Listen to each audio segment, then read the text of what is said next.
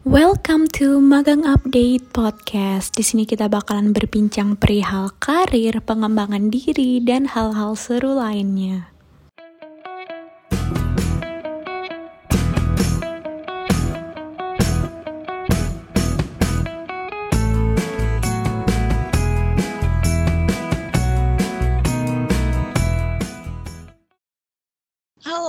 Selamat pagi, siang, sore, ataupun malam, kapan pun Hunters dengerin podcast ini.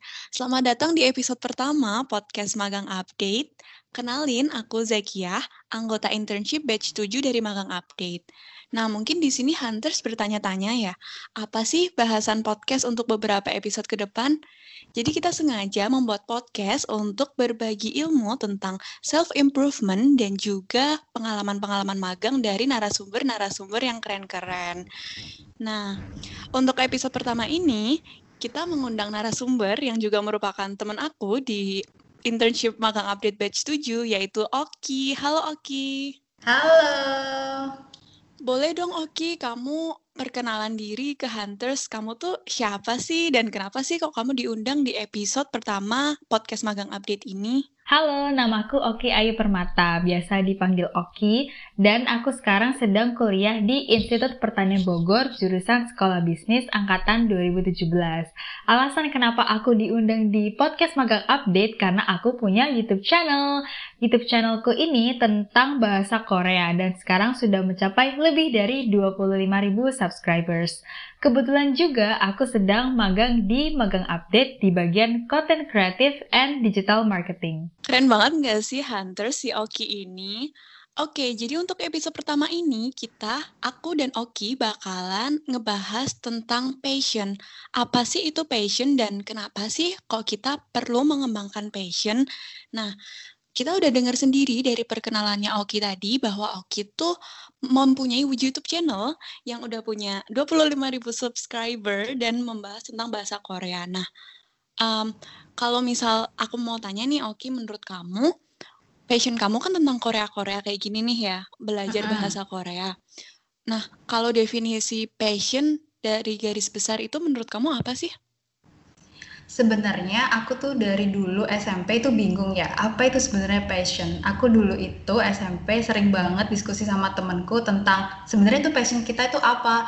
Terus waktu itu aku sering banget ikut kayak les keyboard, les biola, les dance untuk cari definisi sebenarnya apa sih passion itu. Jadi aku sebenarnya kebingungan sebenarnya apa itu passion karena aku pikir passion itu kayak hanya dengan aku melakukan apa yang aku suka itu itu udah passion gitu sedangkan coba aja nih contoh aku udah pernah les keyboard sama biola aku suka nih tapi ketika proses untuk belajarnya itu kan pasti butuh perjuangan kan. Nah di situ tuh aku nggak suka, aku nggak suka apa ya mengorbankan waktu untuk latihan atau kayak kesel ketika ada yang salah itu tuh aku nggak suka gitu.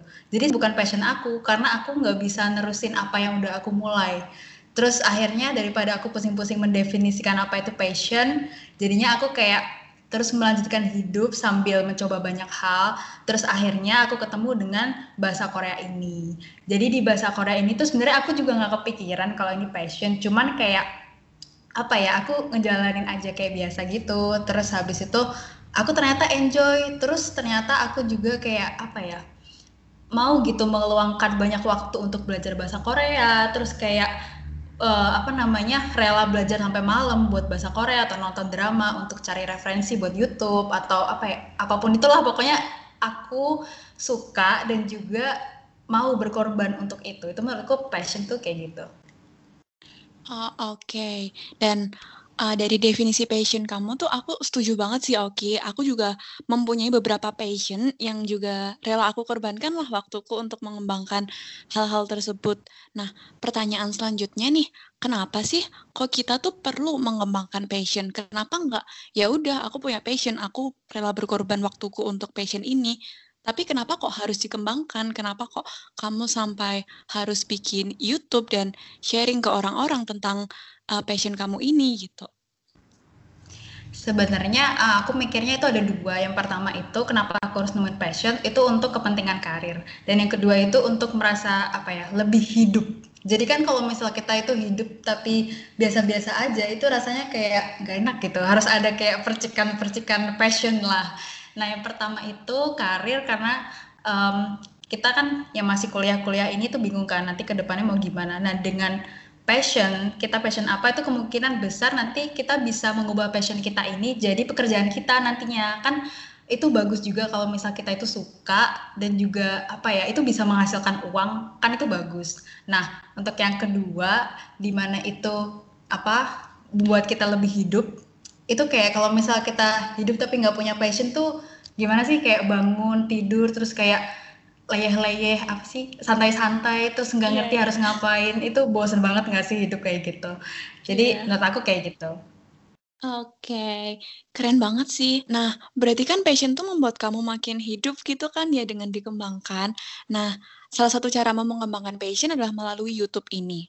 Kalau aku boleh tanya, kamu kenal YouTube dari mana sih? Dan kenapa kok kamu memilih platform YouTube, kenapa nggak Instagram atau Twitter atau platform lain?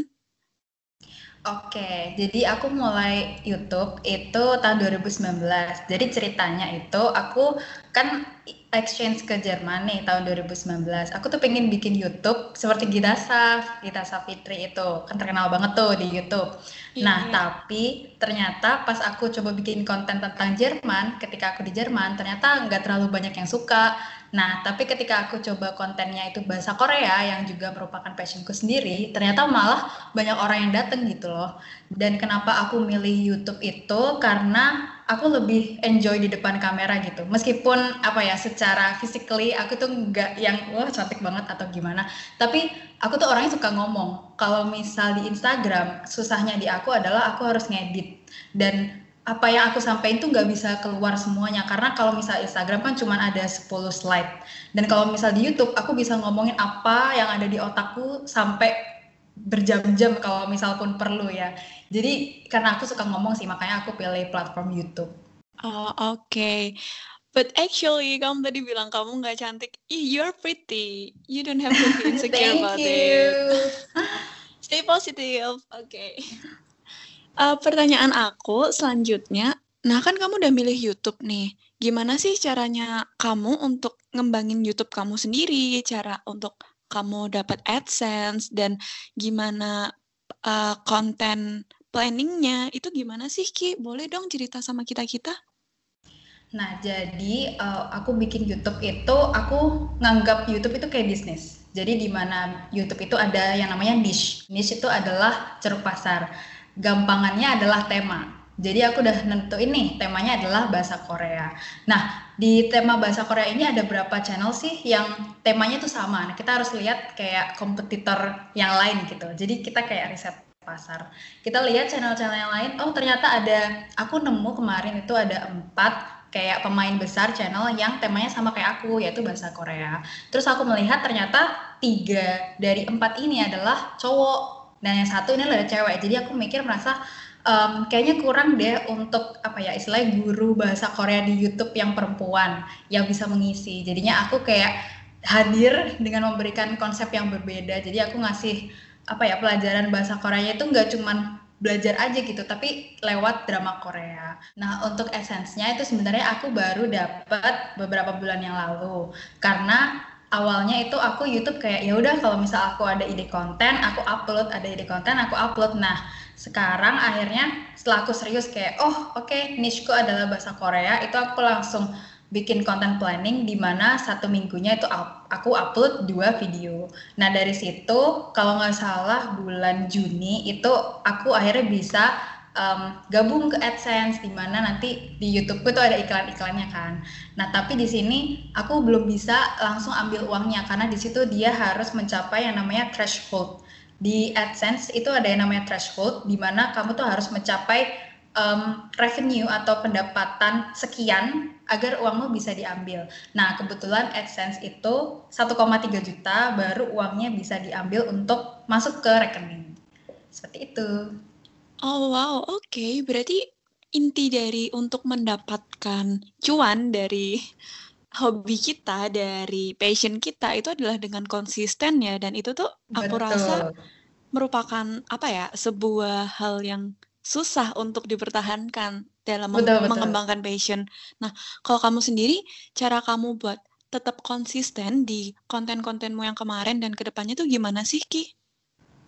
Oke, kenapa aku bisa konsisten itu karena aku ingin mempertahankan audiensku. Jadi audiensku di sini karena di YouTube itu namanya adalah subscriber. Kalau misalnya di Instagram kan namanya followers. Nah, aku ingin mempertahankan subscriberku ini. Jadi dengan mengupload konten dua kali dalam seminggu. Nah, aku juga berencana untuk membangun bisnis around my YouTube channel. Jadi kayak di mana ketika aku udah punya audience dan misal aku punya bisnis nih, misal aku menjual e-book bahasa Korea atau aku menjual kursus bahasa Korea, aku sudah punya audiens yang udah setia atau loyal sama aku. Karena gini, pentingnya konsisten adalah kalau misal dia itu udah nungguin konten bahasa Korea tiap minggu dan selalu ada, dia itu percaya dengan aku gitu loh. Jadi uh, dia percaya kalau misal aku tuh selalu memberikan konten dengan tepat waktu dan dengan kualitas yang baik. Nah makanya itu apa pun yang aku keluarin nanti entah aku mau ngeluarin e-book, mau ngeluarin buku yang meskipun bukan e-book,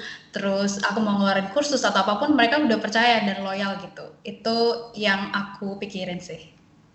Keren banget sih. Jadi kan untuk mempertahankan audiens ya, konsistensi itu. Nah, yeah. kalau misal nih ya, uh, suka duka kamu selama ngembangin passion lewat YouTube tuh apa aja sih? Hmm, sukanya banyak sih. Jadi sukanya itu kalau misal aku aku dapat komen-komen yang mereka tuh bilang kalau kontenku itu membantu mereka belajar. Jadi kayak apa ya?